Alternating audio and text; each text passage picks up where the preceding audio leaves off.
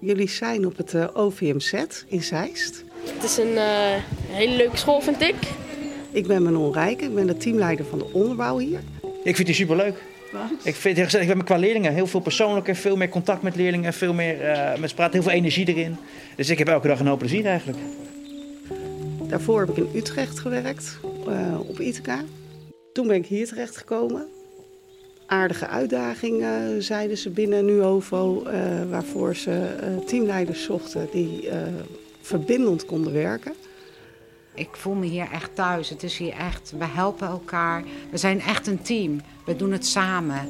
En nou, we zijn hier nog steeds. En inmiddels gelukkig met veel plezier ga ik elke dag naar mijn werk. Welkom bij deze Nivels podcast. Ik ben Marco Martens en samen met mijn collega Riki van Blijswijk ben ik de gast op het openbaar VMBO MAVO in Zeist. Gelegen op een prachtig landgoed in de bossen. We zijn benieuwd naar hoe Manon Rijke leiding geeft aan het team. Hoe ziet haar leiderschapsopdracht eruit en hoe geeft zij daar invulling aan? Hoe maakt zij zichzelf daarin zichtbaar en hoe laat ze zich daarin ontmoeten? We duwen de microfoon op de gang onder de neus van enkele leerlingen en docenten en spreken natuurlijk met Manon zelf je had het over de uitdaging aan willen gaan. Ja. Die uitdaging, kun je die omschrijven? Uh, ja, dat op deze school en ook wat andere scholen hier in de omgeving was een en ander aan de hand. Uh, financieel was het eigenlijk niet op orde en stevende eigenlijk op een faillissement af. Uh, de sfeer was eigenlijk niet uh, prettig. Er waren hier 14 directeuren in uh, eh, 12 jaar geweest en uh, ongeveer even zoveel teamleiders. Dus daar was aardig wat aan de hand op deze school toen we hier kwamen. En ehm, ja, dus wat dat betreft was het echt een uitdaging van, nou ja, we willen eigenlijk structureel iets veranderen en ook niet meer elk jaar wisselen van MT, want dat is natuurlijk voor geen enkele school, denk ik, een aanrader. Dus dat, uh, ja, dat was eigenlijk de uitdaging. En pas toen we hier kwamen werken, dan krijg je natuurlijk veel meer zicht op wat, er, ja. Ja, wat dat dan inhoudt, zo'n uitdaging. Nou, daar ben ik ook wel benieuwd naar, welk zicht je daarop kreeg. Maar eerst wil ik ook nog even vermelden dat het uitzicht waar je hier bent op deze school een bosrijke omgeving is. We zitten echt midden in het bos. Dus zicht krijgen op uh, wat er allemaal aan de hand was. Um, dat, uh, dat heeft natuurlijk een tijd gekost, maar het uitzicht was fenomenaal daarbij. Dat is absoluut zo. Ja, we zitten hier op een landgoed, samen met het lyceum. En dat landgoed, dat is uh, ja, eigenlijk natuurlijk heel erg oud. Op een gegeven moment is dat geschonken aan de, deze scholen. Nou ja, het is een prachtige omgeving, echt uh, waar je van alles uh, in kwijt kan en ook waar je echt tot rust kan komen. Uh, tegelijkertijd is het ook zo dat het een uh, omgeving is die door onderhoud ook veel vraagt. Hè, we hadden het over de financiën, maar het is natuurlijk een hele dure omgeving om te onderhouden. Dus dat is dan wel weer een nadeel voor een school. Maar goed, het, uh, wij, je hoort ons niet klagen als wij ochtends de ganzen, de reetjes, de konijnen, en de uh, eekhoorntjes zien lopen. Ja, af, af, en toe rijdt er hier nu een heftruck voorbij en dat is vanwege de bouw van, het, van de nieuwe sporthal. Klopt, ja. ja. Verder is het hier sereen ja. en rustig. Ja, dat is ook wel een beetje afhankelijk van hoe de leerlingen uh, buiig zijn. Hoor. Je bent hier teamleider. kun je wil je ons eens vertellen wie jij, zoals jij jezelf ziet, wie ben jij als leider? Um, nou, dat is wel een moeilijke vraag. ja. Ja, ik denk in mijn ervaring in de teams die ik tot nu toe uh, gehad heb, op Ithaca um, werk je op een school waarbij je team telkens vernieuwt omdat mensen maximaal drie jaar mogen werken op die school. Er geen vaste contracten worden uitgedeeld. Dus dan heb je continu doorloop. Wat maakt dat je altijd een jong team houdt. Um, ik denk dat daar ook wel een van mijn uh, kwaliteiten tot nu toe ligt. Omdat ik uh, makkelijk aanhaak op de zonne van de naaste ontwikkeling van een team. Dus ik heb snel in de gaten wat, uh, wat, wat lukt er. En wat is er eh, Nodig. nodig. van mijn kant?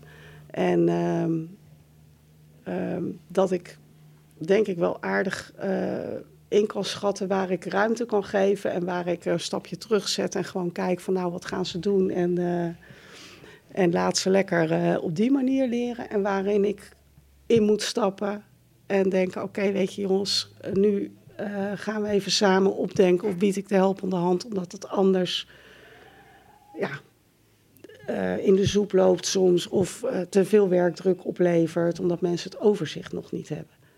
En dat geluk heb ik hier dan gehad. Mijn team is eigenlijk weer helemaal vernieuwd sinds ik hier werk. Dus ja, daar heb ik aan die ervaring die ik op Ithaca heb opgedaan, heb ik hier ook veel profijt van gehad. Tot nu toe. Hoe, hoe maak jij jezelf eh, eh, daarin zichtbaar? Eh, hoe, hoe, hoe, hoe aanspreekbaar ben je? Hoe laat jij jezelf ontmoeten? Is eigenlijk de samenvatting van mijn vraag. Ja. Ehm, als ik. ehm, wij starten elke ochtend met een briefing. Eh, dat doen we om kwart over acht. Starten we in de personeelskamer met het hele team.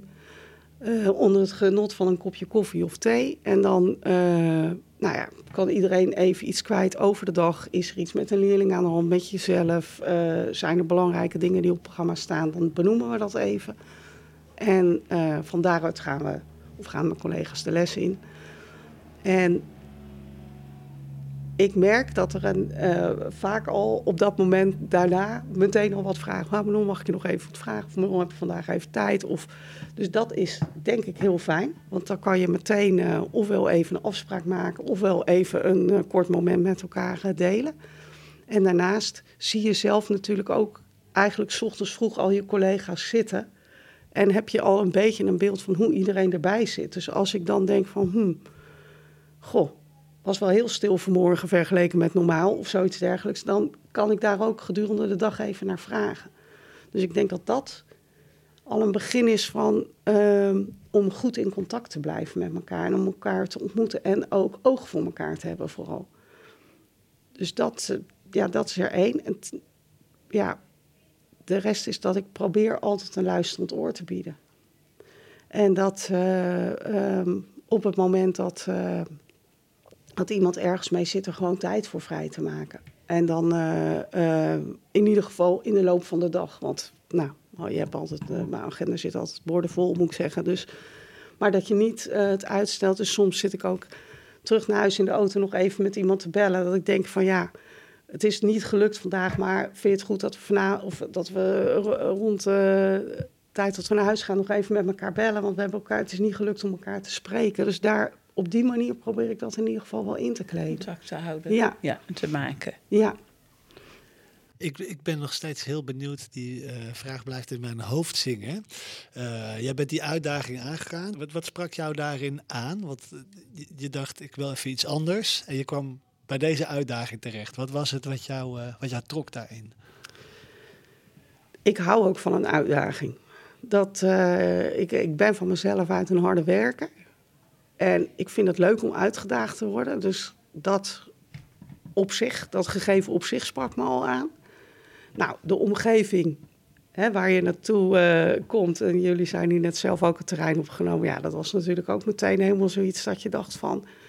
Maar ook de kleinschalige school van een VMBO. Ik, ehm, ja, was, kwam van Ithaca, dat is een leerling voor anderstaligen. Dat is best een hele bijzondere doelgroep die je niet eh, overal aantreft. En ehm, ja, ik, had, ik heb een bepaalde tijd gehad dat ik dacht, nou, die doelgroep is zo leuk, dat vind ik nergens meer. En eh, toen ik dacht van, ik ga verder kijken, dacht ik van, ja, wat zou ik dan het liefst willen? En toen dacht ik eigenlijk, ja, op VMBO denk ik dat ik het beste, eh, dat ik zelf het beste tot mijn recht kom. Maar ook ehm, dat ik het gevoel had dat onze leerlingen, eh, en dat is me eerlijk gezegd ook wel gebleken op de open dagen en zo die we hebben gehad, vaak toch eh, ja, hier binnenkomen met: ik heb het laagste advies gekregen van eh, iedereen van mijn klas op de basisschool. Dus ik ben eigenlijk teleurgesteld Ja. in wat ik zelf kan. En ik voelde het echt wel als een, nou ja, ook als een uitdaging of als een, een stukje waar ik graag een bijdrage aan wil leveren om die zelfvertrouwen van deze kinderen neer te zetten en zeggen: kijk, je kan wel heel veel en je bent wel heel veel waard. Ja. Dus dat, uh, dat was ook een uh, onderdeel wat me heel erg aansprak om deze school specifiek uit te kiezen. Ja, en, en dat is een, uh, nou ja, een, een probleem wat, wat, we bij landelijk wel zien bij deze doelgroep. Hè? Dat ja. dat zelfvertrouwen laag ligt. Welke, uh, welke kansen lagen er op deze school door de omgeving, door, door het team uh, waarbij je terecht kwam om, om aan het zelfvertrouwen te werken? Um, nou, we hadden een, um, eigenlijk een, een, soort carte blanche. Omdat we dus in die financiële narigheid zaten, ja. moesten we toch alles omgooien. Dus waar het een nadeel zou kunnen zijn dat er zoiets aan de hand was, zie ik het zelf ook wel als een voordeel. En tegelijk was het corona in die periode. Dus zaten we met allerlei uh, ja, aparte, ja, ja, gewoon veel online les, veel lesuitval. Dus we hadden ook een, een omslagperiode die voor een heleboel mensen als heel negatief is ervaren. En door ons natuurlijk ook, want online lesgeven aan basis- of kaderkinderen is niet wat je wil. Alleen, het heeft ons ook wel de ruimte gegeven om hier dingen anders uh, te organiseren en met elkaar op te denken over hoe willen we dat dan neerzetten. En eigenlijk hebben we toen de brugklas opzet veranderd. Dus we hebben uh, nu een tweejarige brugklas, uh, Lea 1 en 2, waarin we aan het eind van Lea 2 pas een definitief advies bepalen. Uh, dus de kinderen komen wel natuurlijk binnen met een basisschooladvies. Dat kan zijn basis, dat kan zijn kader, dat kan zijn TL. Maar zeggen tegen de kinderen, want sommige kinderen zeggen ik heb keihard voor gewerkt om TL te krijgen. Toch heb ik een kaderadvies gekregen of een dubbel advies. Nou ben ik zo teleurgesteld. Zeg nou weet je, bij ons is dat geen probleem.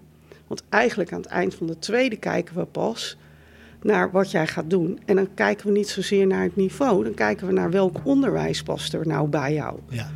Want eigenlijk met een kaderdiploma of een TL-diploma kan je naar precies dezelfde MBO-opleiding uitstromen. Dus, en niemand gaat natuurlijk nog kijken naar jouw middelbare schooldiploma als je eenmaal aan het werk bent. Dus wat eigenlijk belangrijk is, leer jij beter in de praktijk of leer jij beter uit de boeken? En dat bekijken we gewoon gedurende die twee jaar dat je hier start. Ja. Nou, dat is dan vaak een uh, eye-opener voor ouders. Veel ouders weten dat helemaal niet. Um, um, dus een, ook een soort opluchting, denk ik. Mm -hmm. En voor de kinderen is het zoiets van: oké, okay, dus nog niet alles is verloren. Ja. Dat komt dan, uh, ja, dat geven ze dan eigenlijk aan. En wat merk je in die eerste twee jaar? Wat, wat, wat uh, neem je waar bij deze kinderen? Um, ja, het is niet dat ik er een onderzoek naar gedaan heb of echt met ze in gesprek ben gegaan daarover, maar ik heb wel het gevoel dat kinderen zich heel erg op hun gemak voelen. Dus, um, en ik vermoed, maar ik zou het wel heel interessant vinden om daar, uh, of ik ben zeker nog van plan om daar bijvoorbeeld een keer panelgesprekken met de kinderen over te gaan voeren. Van um, dat op het moment dat er meer kinderen in de klas zitten en dat niet meer, zeg maar, de havisten of de VWO'ers altijd sneller tot het antwoord kunnen komen dan dat jij dat kan. Dat het gewoon goed is voor je zelfvertrouwen. En dat je ook zelf de tijd hebt om daarover na te denken. En om af en toe eens een keertje. En daarnaast um, hebben we in de onderbouw ook verschillende vakken. We hebben veel praktijk op het programma staan. Um, dus iedereen blinkt wel ergens in uit. Ja. Dus het is niet zo dat er uh, dat alleen die leervakken zeg maar, uh, aan de orde zijn. Dus dat maakt dat iedereen zijn succeservaringen op kan doen. Ja. Dus daar, ja, daar zit denk ik wel een, uh, een belangrijk stukje. Ja. Duidelijke visie. Merk je ook dat docenten vanwege die visie deze kant op komen? Ja, maar nog meer denk ik het team.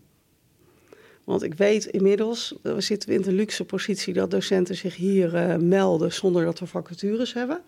En zeggen wij willen heel graag op de OVMZ werken. En dat verrast mij natuurlijk in de huidige situatie. Want ja, ten eerste, we zijn een VMBO. We hebben best wel een. Uh, nou, we worden best wel uitgedaagd in de lessen door de kinderen. Hoe, kan, hoe kan dat? En um, ja, dan zie je dus dat het toch van mond tot mond reclame gaat. Van collega's die hier werken zeggen: ja, het is hier ontzettend leuk werken. We hebben een fantastisch team. En dat mensen dan die dan elders het niet zo naar hun zin hebben, toch uh, ja, open sollicitaties schrijven, bijvoorbeeld. Dus ik denk dat dat team voor de meeste collega's doorslaggevend is. Ja. Dat, uh, dat weet ik vrijwel zeker eigenlijk. Je straalt helemaal. Als, nou. je het hebt, als je het hebt over je uitdaging. Ik, ik heb dat vertaald in mezelf een beetje als jouw pedagogische opdracht. Misschien is we hem nog niet helemaal te pakken, maar in ieder geval gaat het over zelfvertrouwen. En je hebt het over uitblinken. Kinderen blinken ergens in uit, hebben succeservaringen.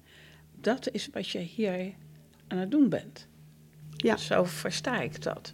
En ik begrijp ook dat als het team zo in ieder geval hecht is, um, dat, hij, dat hij een gedeelde, gedeelde visie is tussen jou en het team. Ja.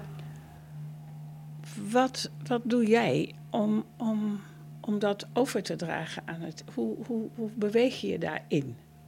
Tussen jouw eigen visie, opdracht en, en, um, en, en, die, en die cultuur in de school om te zorgen dat de kinderen, kinderen, studenten ervaren dat ze succeservaringen kunnen hebben. Um, wij zijn in, de, in het MT hebben op een gegeven moment gekeken naar wat voor, wat voor visie hebben wij hier eigenlijk op school. En hebben we ook onderzocht in ons uh, team toen van wat dachten de docenten die hier werkten, uh, wat, het, wat de achterliggende gedachte was, waarom we dit werk eigenlijk doen. En daar kwam eigenlijk uit dat dat volledig onduidelijk was op dat moment. Daar had niemand enig beeld van. Dus wij dachten, nou, daar moet wel echt uh, iets veranderen, want het is ook je gemeenschappelijke taal. Ja. En daar geloof ik zelf heel erg in, maar daar geloven wij ook als MT heel erg in. Dat op het moment dat je bijvoorbeeld niet uitkomt met elkaar en je hebt iets waarvan je kan zeggen: oké, maar hoe verhoudt zich dit dan tot onze missie? Dan kom je vaak weer tot elkaar, want dan kijk je allemaal vanaf, nou ja, enigszins dezelfde bril. Natuurlijk heeft iedereen zijn eigen kijk dan nog steeds en dat mag ook, maar dan heb je wel, uh, ja, meer uh, gemeenschap. Dus wij hebben ervoor gekozen om uh, met de drie V's te werken, zoals wij ze noemen: vertrouwen, verbinding en verantwoordelijkheid. Dus we vinden dat belangrijk dat alle leerlingen die hier de school verlaten, op die gebieden in ieder geval zich compleet hebben ontwikkeld als mens. En niet uh, alleen dus dat diploma hebben, maar ook met zelfvertrouwen, in, uh, in verbinding staan met hun omgeving uh, en, en, verantwoordelijkheid nemen. Dat we dat ook hebben meegegeven. En tegelijkertijd vinden we dat ook in ons team belangrijk. En dat, nou ik moet zeggen, het is wel iets gemakkelijker op het moment dat je team dus heel erg vernieuwt. Uh, dan kan je natuurlijk daar in je aannameprocedure ook mensen bij zoeken die daar ook datzelfde gevoel bij hebben. Dus dat hebben we zeker ook gedaan. Dus dat heeft wel heel erg geholpen. Maar tegelijkertijd ook zijn we daarover heel veel met elkaar in gesprek. En zijn we er nog lang niet. Maar proberen in ieder geval het goede voorbeeld te geven. En, het te en voor te leven wat je van anderen verwacht. En Um, en dan ook wel die woorden erbij te pakken als je het over bepaalde onderwerpen hebt. En dat, uh, nou ja, dat is nu een proces waar we eigenlijk middenin zitten. Dus, maar ik denk wel dat het, daar, uh, dat het daarin zit. Van wat, wat ik daaraan doe, is het vooral proberen uh, voor te leven en voor te doen. En soms ook te verwijzen als het niet heel erg voor de hand ligt. Maar ik moet heel eerlijk zeggen, in de dagelijkse praktijk vergeet je dat natuurlijk ook wel eens. Zo zitten we in elkaar. Ja. ja. Um, ik, ik hoor jou net zeggen, dat vond ik heel gaaf. De stem van de leerling hoor ik daar even in terug. Je zegt, ik, ik wil eigenlijk wel een panelgesprek uh, voeren over um, ja, dat vertrouwen. Um, wat hoop je daar? Hoe, hoe ga je dat doen? En, en met wie? Nou, ehm, eigenlijk, de, toen ik hier kwam werken, werd eigenlijk helemaal niet eh, naar de leerlingen geluisterd. En dat was eh, een hele nieuwe eh, stap. Het was een redelijk, in mijn ogen, ouderwetse school, waarin eh, autoriteit eigenlijk een rol- grote rol speelde. En nu zijn we veel meer in gesprek met de kinderen. En dat doen we op allerlei gebied. En, wie zijn we hierin? Nou, wij, eh, ik, de teamleiders, eh, de directeur, maar vooral ook de mentoren en de docenten. Ja. Maar ook een conciërge. Ook eh, degene aan de receptie. Dus eigenlijk iedereen. Ja. En ehm, waar we nog... We hebben een leerlingenraad bijvoorbeeld inmiddels ook. Nou, dat is natuurlijk al heel erg leuk. En levert ook wat op. Maar die zijn nog wel in de fase van... we gaan een feestje organiseren voor de onderbouw. Gezellig. Of we doen... Dus dat zijn wel hele leuke activiteiten. En Ja. dat is natuurlijk zeker niet onbelangrijk. Dat hoort er allemaal bij. Maar ik ben nog wel... ehm, ik ben nog niet eh, in de fase terechtgekomen dat ik echt met de leerlingen ga zitten en kijken van dit zetten we nu neer. En wat zouden we nu in jullie ogen daarin echt kunnen verbeteren? Behalve dan af en toe hapsnap in de gang. Ik praat natuurlijk wel met ze, dus je hoort uiteraard wel dingen. Maar dat zou wat mij betreft nog wel echt verder ehm, structureler terug kunnen komen. Dat, dat bedoelde je waarschijnlijk net met we zijn, nog, we, we zijn er nog niet. Ja, Dat Ja. is een van de dingen waarvan Ja. je zegt dat moet ook nog gebeuren. ja, En, Ja. en, en daar wil je ook docenten, neem, neem ik aan, bij Ja. houden. Je, je- ook in deze school wordt getoetst en getest. ja, Maar, maar, maar ja, vertrouwen, eh, met elkaar samenwerken, verbondenheid, dat test je niet. nee. Dat voel je? Of zijn Ja. daar nog meer mogelijkheden bij dan een panelgesprek? Om erachter te komen hoe, hoe voelen leerlingen dat? En, ehm, en ervaren ze dat ook zo? Nou, er zijn aller, ik denk dat er veel mogelijkheden zijn. Maar ehm, leerlingen benoemen het in ieder geval. Bijvoorbeeld op de open dag merk je het dan. Dan het is ontzettend leuk. Dan gaan de leerlingen rondleidingen geven. Of die eh, bijvoorbeeld bij, in de bovenbouw eh, laten ze dan DMP-lokalen zien. En eh, nou, nemen ze de nieuwe leer of de mogelijk nieuwe leerlingen mee in wat we hier allemaal doen. En dan hoor je ze natuurlijk praten tegen de potentiële nieuwe leerlingen. En dan zie je hun trots op hun school, op wat we hier doen. En dat zijn dan de momenten dat dit denk ik ook wel heel erg zichtbaar wordt. En dat is ook wel optimaal genieten natuurlijk. Ja. Want dan denk je wel bij jezelf, ja, daar doe je het uiteindelijk voor. Maar ook, ehm, ja, waar we het pas geleden nog met elkaar over hebben gehad. In het begin, als je hier het terrein opliep, dan zei geen leerling je gedag. Het was eigenlijk als je volwassen was, dan zag je gewoon heel duidelijk dat er een soort, er was echt een tweedeling. En nu, als je eh, de bovenbouw inkomt of eh, hier in de onderbouw bent, alle, iedereen heeft contact met elkaar. En er wordt niet weggekeken als je er als volwassene aankomt. En dat- vind ik ook zelf wel iets. Nou, ik kom. Ik heb daar een voorbeeld van. Maar ik kwam net inderdaad het terrein oprijden. Geen idee natuurlijk waar ik die auto kwijt moest. Ehm, dus ik, ik stond een beetje verbaasd om me heen te kijken. En er kwamen een aantal leerlingen met van die dingen in hun oor. En ze lopen langs mijn auto heen terwijl ik mijn raampje open heb. En opeens zie ik een jongen dat eruit uit zijn oren halen, maar mij toe teruglopen. Mevrouw, kan ik u helpen? Juist. Ja, Dat is zo'n voor. Dat, is een voorbeeld. En dat vind ik ook een voorbeeld dat ze langzaamaan verantwoordelijkheid nemen voor hun omgeving. Ja. Waar dat in het verleden gewoon minder aan de hand Ja. was. En nou ja, gelukkig. Mooi voorbeeld. Ehm, je, je, toen jij hier kwam, vertelde je net, was het een, een hele andere schoolcultuur. Ja. Dat is een cultuur die we wel kennen. Hè? Die, die, die anders is als dat jij ons nu vertelt.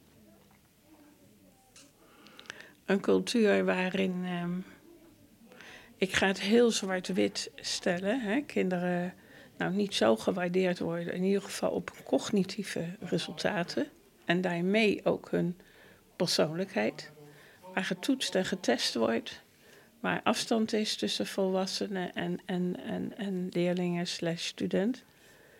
Ehm, hoe, hoe verhoud jij je daartoe? Um, Laten we zeggen, tussen dat oude, die oude wereld en die wereld die jij hier denkt neer te zetten en, en hard aan het werk bent om dat neer te zetten? Nou, ik denk als die verandering niet in gang was gezet, of die ontwikkeling, of het was niet mogelijk geweest om die kant op te ontwikkelen, of er was geen ruimte voor geweest, of wat dan ook, dan had ik hier niet meer gewerkt. Want ik zou niet op een school willen en kunnen werken waar um, ja, de docenten de baas zijn omdat ze de baas zijn. En uh, er alleen getoetst wordt en uh, uh, naar toetsresultaten gekeken wordt om een kind te definiëren. Dat, ja, dat past niet bij mij als persoon. En ja, daar zou ik ook gewoon niet aan mee willen werken. Dus zoals hier de uitdaging hier lag om dat te veranderen, dat vind ik dan een hele mooie uitdaging. En ik ben er ook echt wel heel trots op hoe ver we daar al in zijn gekomen in korte tijd. En hoe lang is die tijd eigenlijk? Nou, dit is mijn derde schooljaar. Ja. Uh, daarvan denk ik, ja, mooi. En nou, fijn voor de kinderen. En, uh, en fijn voor de collega's ook. Want dat is natuurlijk ook veel prettiger. Tenminste, vind ik zelf veel prettiger werken. Dus dat wel. Maar ik denk, ja, op, op het moment dat dat echt niet zou kunnen, omdat je bijvoorbeeld een bestuur hebt of een directeur hebt die daar echt niet in mee wil. Ja, of een team wat op een bepaald moment zegt van, uh, ja, dan, uh, dan denk ik dat ik na twee jaar uh, toch al had gedacht, nou dan ga ik toch maar proberen om dat op een andere school, waar ik dan beter passend ben. Maar goed, ik ben blij dat het wel gelukt is, want ik gun het elk kind. Dus dat, uh, zou ik wel, dat zou ik wel zo'n verlies hebben ervaren, eerlijk gezegd. Wat, wat maakt dat je, dat je als leider op deze school um, zo daarin staat? Wat is er in de pers persoonlijke biografie, professionele biografie moet ik zeggen, wat kun je daarin aanwijzen waarvan je zegt, kijk, daarom vind ik dit zo belangrijk? Ik denk dat we um, in de periode dat ik, op Ithaca, dat ik het onderwijs inkwam, en dat was dus op Ithaca in Utrecht, um, dat ik daar een directeur heb gehad die mij overigens achtervolgd is naar Zeist inmiddels. Dus die, uh, die zit nu ook hier. Maar, dat, um, maar die uh, heeft mij uh, destijds heel erg gestimuleerd om kennis te nemen van verschillende pedagogen. Uh, meer uh, wat boeken te lezen van filosofen. Uh, bij het NIVOS pedagogisch leiderschapsopleiding te volgen. veel zijn we samen in gesprek geweest over onze missie destijds daar. Um, ik denk dat dat alles bij elkaar voor mij meer inzichtelijk heeft gemaakt waar ik zelf sta als persoon en als teamleider. En dat ik uh, daarvoor niet hele andere ideeën had, maar dat ik het daardoor wel veel meer ben herkennen wat ik belangrijk vind en uh, ook wat ik uh, nou, juist liever niet wil voor kinderen eigenlijk. Ik denk dus dat ik wat dat betreft, dat denkproces, dat is daar echt wel uh, gestart. En geïnspireerd uh, door Douwe. Ehm, en in mijn toenmalige MT in de gesprekken heeft dat steeds meer vorm gekregen. En toen ik hier uh, naar Zeist ben gekomen, heb ik dat natuurlijk met mezelf meegenomen. Dus, en wat ik in mijn eigen schooltijd heb ervaren, dat uh, in die periode dat ik uh, op de middelbare school zat, al lang, lang geleden natuurlijk, uh, onderwijs over het algemeen genomen, tenminste scholen die ik toen maar kende, redelijk ouderwets waren. Um, maar dat ik, ik moest toen, ik, zat in de HAVO-VWO-brugklas en ik kreeg ziekte van vijver, weet ik nog goed. En dan was het, uh, de oplossing van mijn moeder was destijds, nou dan ga je naar de MAVO, dan ga je wel naar de tweede over. Dus dat heb ik gedaan. En uh, nou, dat was natuurlijk eigenlijk iets te weinig uitdaging voor mij. En dat, was daar een eh, directeur, meneer Beumers. En die directeur die had al heel snel oog daarvoor van... Nou, dit zijn leerlingen die hebben wat extra uitdaging hier eh, nodig. Of eh, ja, die, die vervelen zich een beetje waarschijnlijk. eh. dus die, die benaderde mij voor van alles en nog wat. Waardoor ik al snel in een leerlingenraad terecht kwam. Of het schoolfeest weer aan het organiseren was. Of allerlei van dat soort dingen. En ik denk wel dat ik dat ook altijd in mijn hart heb meegenomen. Uit een, voordat ik gewoon gezien ben als leerling door hem. En nou ja, eigenlijk in mijn hele eigen loopbaan in het onderwijs heb ik dat ook altijd eh, zelf gehad. Dat ik graag wil proberen om de kinderen te zien. En ook nu als teamleider is niet zo gek veel anders, vind ik, als mentor van een klas. Ben je teamleider van een eh, groep docenten? Nou, het is eigenlijk hetzelfde. Alleen je hebt met volwassenen te maken. Maar dat je gewoon oog voor de mensen hebt om je heen. Dus Mooi. Mooi. Wat is het dat je, dat je dan opmerkt in je team? Wat, wat, wat je de ruimte geeft? Wat je ziet? Ehm, nou, in mijn team is het zo dat ik probeer wel echt aan te sluiten bij ehm, de behoeften van de verschillende mensen. Dus eh, om een voorbeeld te geven, ik had laatst een, een jonge docente die fulltime werkt. Die zag ik een beetje maar die ook fulltime werkt, maar geen eigenlijk andere taken heeft dan lesgeven. En iedereen is overigens wel mentor bij ons op school, dus lesgeven en mentor dan. Maar niet een andere, zeg maar, grote taak erbij. En ehm, ik zag gewoon een beetje dat ze, om het zo maar te zeggen, met de ziel onder de arm liep. En dat ik dacht, oké, weet je, dit is misschien, nu is het misschien wel het moment dat er ook iets anders om de hoek moet komen kijken. Want anders dan ehm, ja, haakt ze misschien af of heeft ze het niet meer naar de zin of gaat ze wellicht eh, naar een andere school uitkijken. Kan alle kanten opgaan. Dus het gesprek wilde ik eigenlijk al met haar aangaan van nou waar ligt jouw behoefte. En toen ineens las ik iets bij ons. We hebben zo'n landingspagina op, eh, op de laptop. eh podium heet dat binnen nu over. Daar las ik iets. Ik dacht, hé, hey, dat is passend. Dus ik heb er gelijk gevraagd. Want ik dacht, ja, weet je, dan moet je er ook eh, snel bij zijn. Want dan zijn nou misschien al die plekken vergeven. Ja. En hij was er ontzettend enthousiast over. Dus toen hebben we het er even over gehad. Van, nou, had, heb ik het ook goed gezien? Dat je ook die behoefte wel een beetje had. En dat klopte ook. Want waar zag jij dat aan? In, in de waan van alle dag en de drukte die je eigenlijk eerder al schetste? Nou, eigenlijk een beetje een verandering van eh, een hele positieve, enthousiaste eh, meid... die gewoon eh, eigenlijk altijd zin uitstraalt in het werk... naar iemand die ook wel af en toe een beetje dacht van... pff, nou, nou heb ik het wel een beetje gehad. Ja. En dat verschil vond ik in haar... Groot. Ja, groot en ook tegelijkertijd opvallend. Ja. Omdat ik haar zo niet kende. Dus ik dacht van... eh, en dan, ik ben wel iemand die dan al in zijn eigen hoofd zit te denken... dat is meteen een valkuil. Van waar zou dat aan kunnen liggen? En het kan natuurlijk ook heel goed aan andere dingen liggen. Dus Ja. het is heel belangrijk om dat wel te toetsen bij mensen. Of Ja. er over in gesprek te gaan. ja, maar dat heb je dus wel gedaan uiteindelijk. Ja, ja. Hoe gaat het nu met haar? Ja, goed. Ja. Ja. Ehm, je bent heel erg bezig met, met het team, met, ehm, met de school. Ehm, ook dit weer weer een voorbeeld. Die uitdaging die je zelf wenst, gun je ook anderen.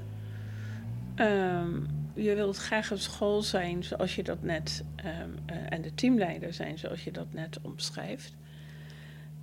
Anders dan ja, de scholen die we vaak genoeg eh, kenden, in ieder geval. Waar ligt jouw stip op de horizon? Wat zou je nog wensen? Nou, we hadden eh, ons ingeschreven voor zo'n hele brede subsidie voor een hele brede brugklas.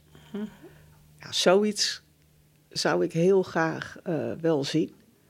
Als ik een, een stip niet helemaal aan het eind van de horizon, maar wat dichterbij, zou ik veel intensiever met het lyceum willen samenwerken. Ehm, wij wij hebben bijvoorbeeld in de onderbouw profielen, die heeft het lyceum ook. Het zijn sport, expressie en, eh, en talentprofiel heet dat. Het zijn specifieke lessen. En ik zou het heel erg leuk vinden als de leerlingen bijvoorbeeld tijdens die lessen op alle niveaus gemixt zouden les krijgen. Dat je ook kan zien van, wij hebben fantastische sporters hier rondlopen. Ja. Of hele kinderen die beeldend heel sterk zijn, super creatief zijn, prachtige eh, werkstukken maken of, of de eh, kunst eigenlijk. En ik denk van, ik zou het heel mooi vinden als we dat samen zouden brengen. Als, net zo als in de reguliere maatschappij, zeg maar. En eh, het liefst met een hele brede brugklas. Dus dat zou ik, zeg maar, op dit terrein als mogelijkheid eh, wel zien. Zit En- die kans erin? Zijn daar al gesprekken over? We hebben wel gezamenlijk die subsidie aangevraagd. Ja. Ehm, tegelijkertijd, Heb je die gekregen overigens? nee, Oh, dat jammer genoeg niet. Even fijn. Ja. Even, even pijnlijk. ja.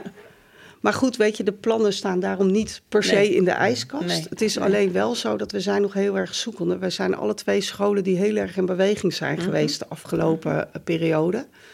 Ehm, dus het is wel belangrijk dat we een beetje in rustig vaarwater zitten. En eh, voor het lyceum hetzelfde.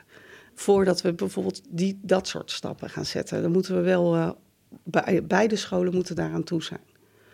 En ehm, dus dat is mijn kleine stip op de horizon. Hier, die, waarvan ik ook denk, nou, daar, daar moeten toch mogelijkheden liggen om dat waar te maken. En mijn hele grote stip op de horizon is eigenlijk ehm, toch wel dat ik heel erg hoop dat kinderen eh, gewaardeerd worden om wie ze zijn. En niet om wat voor niveau ze hebben.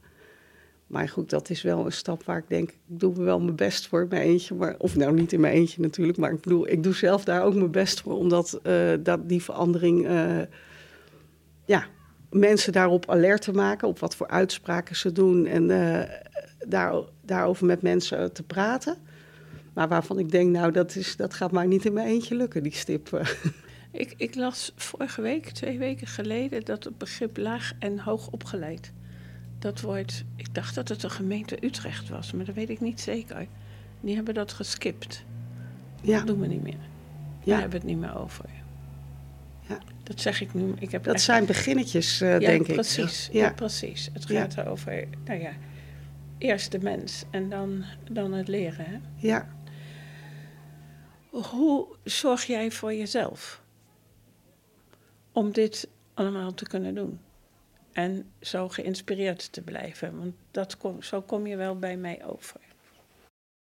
Ehm, nou, ik probeer wel gewoon ehm, hetzelfde. Als, ik probeer het dus, wat ik al eerder zei, het een beetje voor te leven. En daarbij hoort natuurlijk ook dat je jezelf blijft uitdagen. Dat je eh, dingen opzoekt waar je eh, geïnspireerd door raakt. Of, eh, dus dat probeer ik te, te doen ehm, qua werk. Maar daarnaast heb ik ook een heel leuk privéleven waar ik mezelf oplaad. En waar ik, ik heb de, drie kinderen thuis en twee nichtjes. Dus ik heb een heel huis vol met meiden. Twee zijn er inmiddels het huis uit, maar dat is altijd een, eh, ook een drukte van belang natuurlijk. Dus ik heb bijna mijn eigen klas thuis ook nog. maar dan, eh, ja, en dat, dat maakt ook, daar word ik ook door opgeladen. Ja. En dat, eh, ja, dat vind ik belangrijk. En ik heb er wel best wel een tijdje over gedaan om de balans daarin te vinden. Ik moet zeggen dat naarmate ik ouder word, dat ik daar wel wat beter in word. Maar ik hoor van mijn directeur terug dat die balans soms toch nog niet helemaal oké. Zonder dat je het zelf in de gaten hebt. Nou, je weet het soms zelf Ja. natuurlijk wel. Ik ben ook, hè, wat zei ik al eerder, ik ben van mezelf uit een harde werker. Ik vind dat ook leuk, ik vind dat ook fijn, dat past ook bij me. En daarin kan je natuurlijk af en toe wel eens doorslaan. Dat ik dingen zo belangrijk vind ineens, dat ik dan denk, oké, dit is zo belangrijk, dit moet ik afmaken. Ja, Daar ga je. ja maar ik vind wel dat ik het steeds beter eh, beheers. En ik vind het ook belangrijk om het goed voor te doen. Hè? Want ik, toen ik hier net kwam werken, werkte ik veel eh, ook s'avonds. Dat lukte toen echt op geen enkele andere manier. Want het was natuurlijk een enorme bulk aan werk wat hier lag. Of eigenlijk lag er niks. Dat was het probleem juist. Dus alles moest je zelf eh, ontwikkelen. de gekste dingen. Het geeft je- ook energie. Het geeft ook energie, maar toen Ja. heb ik wel op een gegeven moment gedacht... toen zeiden collega's ook tegen mij... Manon, als jij om tien uur s'avonds een mail stuurt... dan vinden wij daar wel wat van? En dan denk ik ook bij mezelf, ja, dat is ook zeker waar. Daar vind ik zelf eigenlijk ook wat van. Dus daar ben ik... Dat is goed dat ze je dat even melden. Juist. Ja. En dan denk ik, ja, dat wil je dus ook niet voordoen. Dus, nou, en ik zeg ook, ik wil dingen voorleven, dan moet ik dat dus ook zelf beter eh, gaan doen. Je omgeving heb je nodig om, om tot Ja. de conclusie te komen. Het zou wel eens Ja. anders moeten en kunnen. Ja. Wat, wat, ehm, wat zit je af en toe tegen? Waar, waar loop je af en toe tegen aan Ehm, in al dat enthousiasme? nou, ik, ik ben iemand die kan niet zo heel goed met negativiteit omgaan. Dus ik ben al ook wel iemand die dat kan, een beetje kan bagatelliseren. Eh, Of snel om wil vormen naar een positieve sfeer. En die het lastig vindt om dat soms ook een beetje te laten zijn. Want dat mag er af en toe natuurlijk ook best zijn. En er zijn ook mensen die daar wel even behoefte aan hebben dan. En dat, nou, dat, dat vind ik een lastige. Ze moeten even uit laten klep. Juist. Dat bedoel je? Ja. ja. En ehm, Want het is natuurlijk niet altijd even gemakkelijk. nee, nee, absoluut. En een uitlaatklep vind ik ook niet erg. Maar ik ben dan zelf zo'n type van, nou, we hebben dat nu gezegd, nu weer door. En, maar sommige mensen hebben daar wat meer tijd voor nodig. En dat brengt me meteen bij het tweede punt. Ik ben redelijk ongeduldig. Niet met leerlingen, gek genoeg. In mijn klasse nooit heb ik dat, ben ik dat tegengekomen, maar in mijn team In je vind ik dat klas lastiger. van volwassenen? Ja, daar, je, eh, daar ben ik ongeduldig. sneller. Ja, Ja. ja, En Ja. ze houden je wel scherp daarin. ja, gelukkig wel. Die, die band hebben we gelukkig wel met elkaar. Hoe bewaak je dat zelf? Dat, eh, je gebruikt je omgeving daarvoor eigenlijk om, om, om je eigen grenzen te herkennen. Maar hoe zorg je er zelf voor dat je niet dan om tien uur s'avonds een mail schrijft en die inplant voor de volgende ochtend, maar dat je ook echt dat moment voor jezelf neemt? Ehm, nou, ik over het normaal gesproken doe ik gewoon als ik thuis ben mijn werklaptop niet open. Dus dan kan ik ook geen mail schrijven in principe. Dus eh, tenzij dat ik er echt voor kies om extra te werken. Maar dan is het een bewuste keuze waar ik mezelf dan ook bewust van ben. En ehm, nou, dat, dat, dat doe ik. Waarbij ik vroeger zeg maar nog af, eventjes, nou, waren kinderen even televisie aan het kijken of zo, klap ik nog even de laptop open. Dat doe ik dus gewoon niet meer. Dus dat scheelt heel erg. Want dan moet je, als je een bewuste keus maakt, dan denk je ook, oké, dan ga ik dit nu even doen. En dan eh, daarna is het ook klaar. Dus dan, dan ben je daar veel bewuster van bezig. Dan, want je kan natuurlijk wel ja, in het onderwijs, of je nou mentor bent of teamleider of wat je ook in het onderwijs doet, eigenlijk kan je 24 uur per dag werken. Ja. Dus je kan altijd leukere lessen verzinnen of altijd met je mentor leerlingen meer of bereiken of wat dan ook. Dus ja, dat is, eh, dat Ja. is natuurlijk een valkuil die voor iedereen op de loer ligt. En die grote stip is natuurlijk nog ver weg. Hè? Dat, Juist. eh, dat we kinderen Ja. zien voor wie ze zijn. Ja. De- de- de- de- hoe zorg jij dat je kleine stipjes blijft zetten, waar je dan wel een soort voldoening uit haalt? Ehm, nou, eigenlijk, dat, eh, dat gaat, dat hoef ik eigenlijk, die stipjes hoef ik eigenlijk niet eens te zetten. Want dat gebeurt mij, Ja. dat overkomt mij dagelijks. Dat ik een collega zie in gesprek met leerlingen. Of ehm, als het een keer misgaat. eh, dat vind ik ook altijd juist heel erg mooi. Als het, eh, dat je dan het gesprek erover hebt. En dat iemand echt zo'n moment heeft dat ze denken, oh ja. Ja.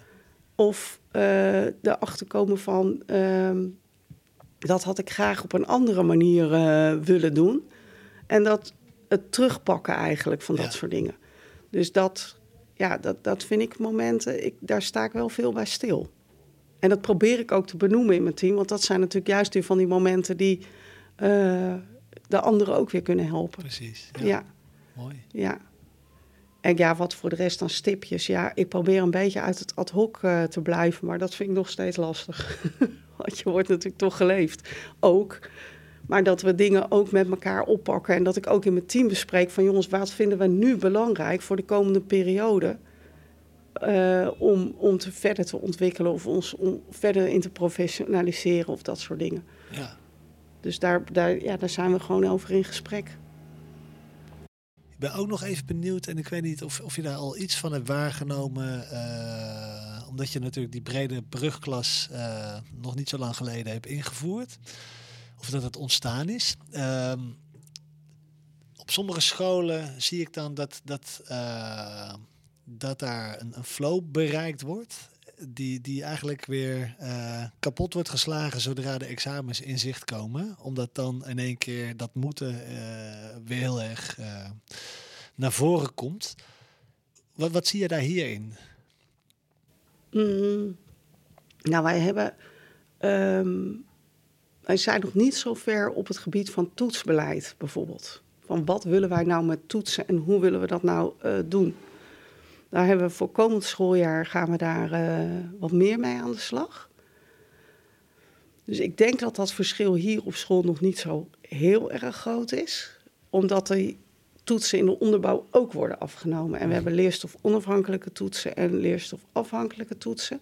Wel hebben we een opbouw in huiswerk bijvoorbeeld. We zijn wel een huiswerk luwe school. Maar we in de, in de brugklas starten we in de klassen met het maken van huiswerk. Dus voordat de kinderen thuis dingen moeten doen, oefenen we het in de klas. Heb je de juiste manier van leren? Wat, hoe kan jij het beste leren? Wat werkt er eh, voor jou? Oh, dat werkt voor jou niet. Nou, dat kan. Er zijn verschillende leerstijlen. Dus daar zijn we met de kinderen heel druk mee. En eigenlijk dat soort studievaardigheden uh, of executieve functies hebben we veel meer aandacht voor nu in de, in de onderbouw, waar ze op de, in de bovenbouw natuurlijk ook profijt van hebben. Tenminste, dat is wel de bedoeling. Ja. um, dus in die zin denk ik nu dat dat uh, nog niet wordt platgeslagen. In de bovenbouw hebben ze ook een behoorlijk grote transitie doormaakt. Al, we hadden drie um, eigenlijk uitstroomrichtingen. Uh, dat is er één geworden. We zijn alleen naar DMP gegaan. En daarbij hebben de, de, leerlingen echt maken daarbij heel veel eigen keuzes.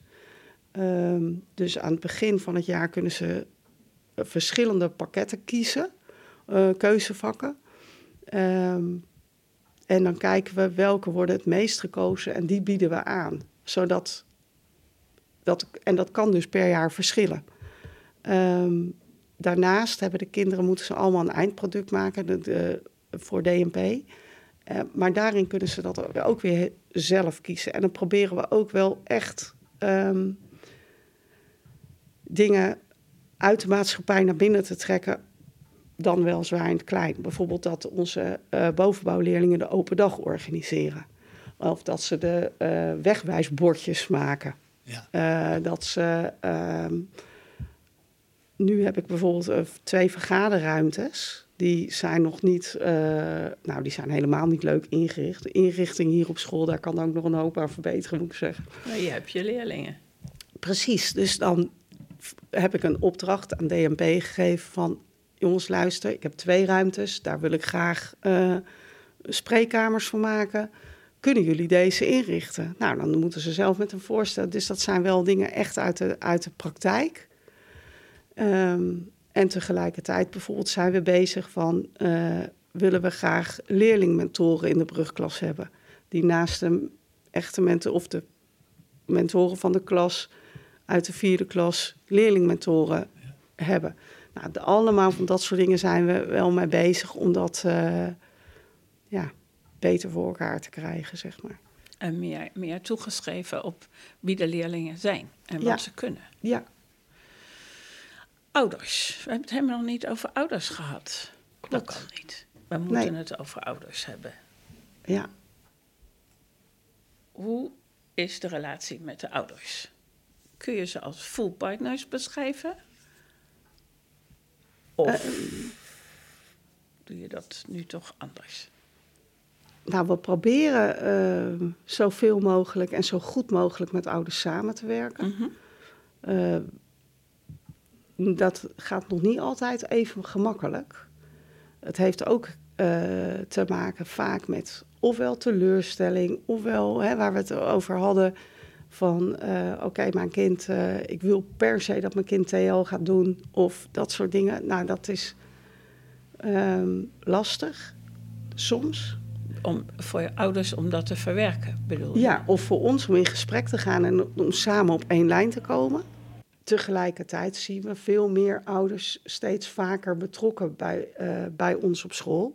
We hebben bijvoorbeeld bij de brugklaskampen vragen we ouders om hulp. Willen jullie mee op kamp?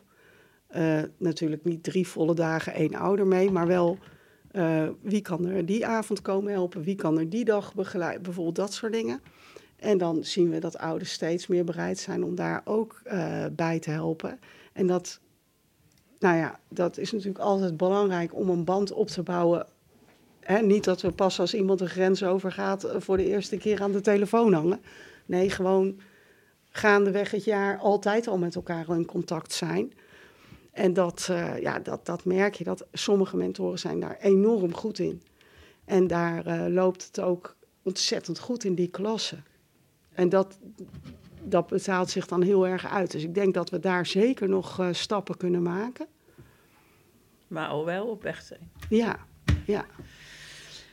Manon, um, we hebben de afgelopen 55 minuten met jou gepraat over, over wat je hier doet en hoe je je beweegt als pedagogisch leider. Um, met um, um, alles wat zo op je pad komt. Wellicht, we hebben een aantal thema's uh, uh, besproken, maar wellicht zeg je nou, uh, eentje ben je er vergeten, of misschien wel twee. Dus wat zou je nog willen toevoegen aan wat tot, tot nu toe gezegd is? Nou, we hebben heel veel besproken. Ja. Ik zou eigenlijk niet zo goed weten wat ik nog um, meer zou willen vertellen over onze school. Ik denk dat we eigenlijk alles wel uh, helemaal of zijdelings hebben geraakt. Mooi. Het enige waar ik wel, uh, nou ja, eigenlijk uh, iedereen voor zou willen oproepen, is om, nou ja, alert te zijn op um, de manier van aanspreken. He, dat we het niet meer over niveaus hebben met elkaar, maar dat we het gewoon over algemene ontwikkeling hebben. En dat we gewoon uh, vooral um, in het positieve waarderen gaan zitten. Uh, niet kijken wat kan je allemaal niet, maar wat kan je eigenlijk allemaal wel. En dat we daarmee uh, met elkaar wel voor een mooiere wereld in mijn ogen kunnen zorgen. En ik denk dat, nou, volgens mij is het geen onbekend nieuws dat echte vakmensen in Nederland steeds dunner gezaaid worden. Dus wat dat betreft dat het ook volkomen terecht is dat het voor iedereen um, logisch zou moeten zijn dat het heel erg belangrijk is dat we dat ook juist heel erg stimuleren en dat dat ook heel belangrijk werk is. Je stelt de mens centraal. Ja. Daarin. Ja. En je geeft ook aan, dit zijn de echte urgente beroepen. Urgente beroepen. En daarmee wil ik niks uh, natuurlijk afdoen aan alle andere beroepen. Maar um, ik zou het gewoon ontzettend fijn vinden als kinderen uh, gewoon op kunnen groeien met zelfvertrouwen. En niet uh, hoeven denken, ja, ik, ben, ik, ben, ik zit in de onderlaag. Ik, dat vind ik gewoon, nou, als je twaalf bent en je denkt, nou, mijn leven is voorbij, ik kan niks meer bereiken. Ja, dat vind ik gewoon echt verschrikkelijk. En ik, nee, dat kan niet. En ik vind dat wij als volwassenen daar een hele belangrijke rol in hebben. Dankjewel, Manon, voor dit gesprek. Jullie bedankt. Gaan jullie de podcast opnemen? Ja. Ik wil erin. Nou, dan... Ik wil er ook in, mevrouw. We willen samen. Nou, dat Echt? Mag ik nog even een shout-out doen? Zeker. Ja, toch? Shout-out naar Ejoep, shout-out naar Kemal. Kemal is echt een strijder. Shout-out naar Fufu, Fufu groep. En uh, ja, dat is het, man. Hup, zitten, we gaan wiskunde doen. Kijk, meneer, dit is de Ja, precies. En als je bij bent, gaan we te laat.